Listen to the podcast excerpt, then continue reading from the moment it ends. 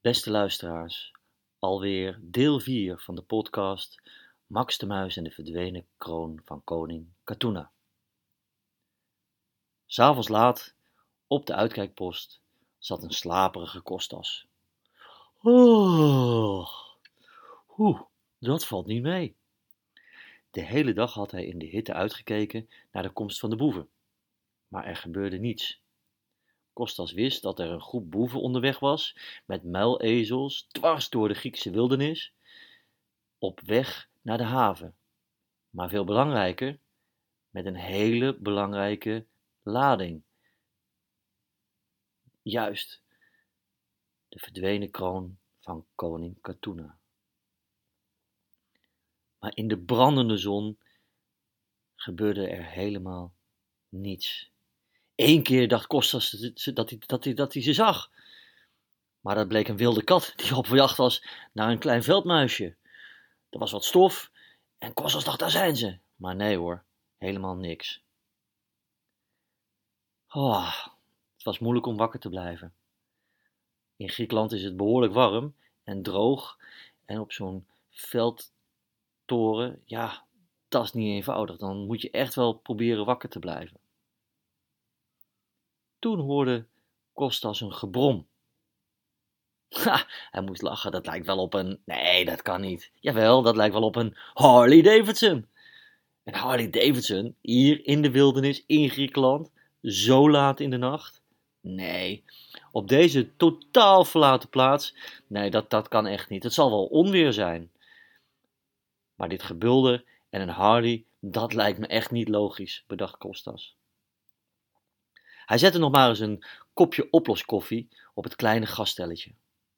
Hij probeerde heel voorzichtig te werken, want je mag de vlam natuurlijk niet laten zien.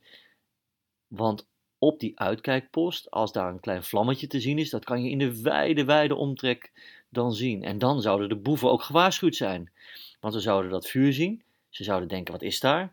En zeker op anderhalf, twee meter hoogte, dan denken ze, daar is misschien wel een, een, een uitkijkpost of zoiets. Het gebulder kwam steeds dichterbij. Hm, dan toch geen onweer? Kostas keek nog eens goed. Het leek ook wel of er een lamp aankwam, een, een, een bulder uh, en, en, dan met, met een lamp. Kostas pakte zijn geweer en was op zijn hoede. Hier was wel degelijk iets aan de hand. Ineens stond de Harley Davidson voor zijn neus. Met daarop: Hè? Is dat hem echt? Deze muizensnuit kende Kostas alleen van de televisie en YouTube. Want hij keek recht in de ogen van de meest unieke superheld ter wereld. De enige echte Max de Muis. Oh, hallo, stamelde Kostas. En Max begreep dat Kostas geschrokken was. Niet alleen door het gebulder van de Harley Davidson, maar zeker ook doordat Kostas hem herkende. Tja, je komt niet iedere dag een superheld tegen, en zeker niet s'nachts, en zeker niet in de Griekse wildernis. Tja, bijzonder. Hoi, zei Max. Volgens mij ken je mij wel. Uh, ja, stamelde Kostas. U bent Max de Muis, de, de, de, de superheld. zeg maar je en zeg maar jij hoor, zei Max, want hij is dan wel een superheld, maar hij is altijd nog gewoon gebleven. Laat ik me je maar eens uitleggen waarom ik hier ben. Want dat is natuurlijk best apart, midden in de nacht, hier in de wildernis. Max legde uit waarom hij Kostas kwam helpen en dat het waarschijnlijk een kort nachtje zou worden, want over een paar uur zouden de boeven met de gestolen kroon van koning Katuna langs kunnen komen. Er is niet veel tijd en ja, ik wil eigenlijk een slimme val maken, zodat we ze kunnen verassen en vooral dat de kroon weer in onze handen komt. Maar hoe dan, Max? Zo vroeg Kostas. Max keek in het rond en langzaam stond, ja, had hij toch wel een idee. Ontstond er een ideetje waarvan hij dacht van, kijk daar, die grote kuil. Kunnen we die grote kuil niet afdekken, zodat we ze daar inlokken en dat ze er dus invallen? Hmm. Ja, maar dan valt de kroon ermee in en, en die breekt misschien wel. Dat kunnen we natuurlijk niet maken. Wat kunnen we anders verzinnen? Ik heb nog een idee, zei Kostas.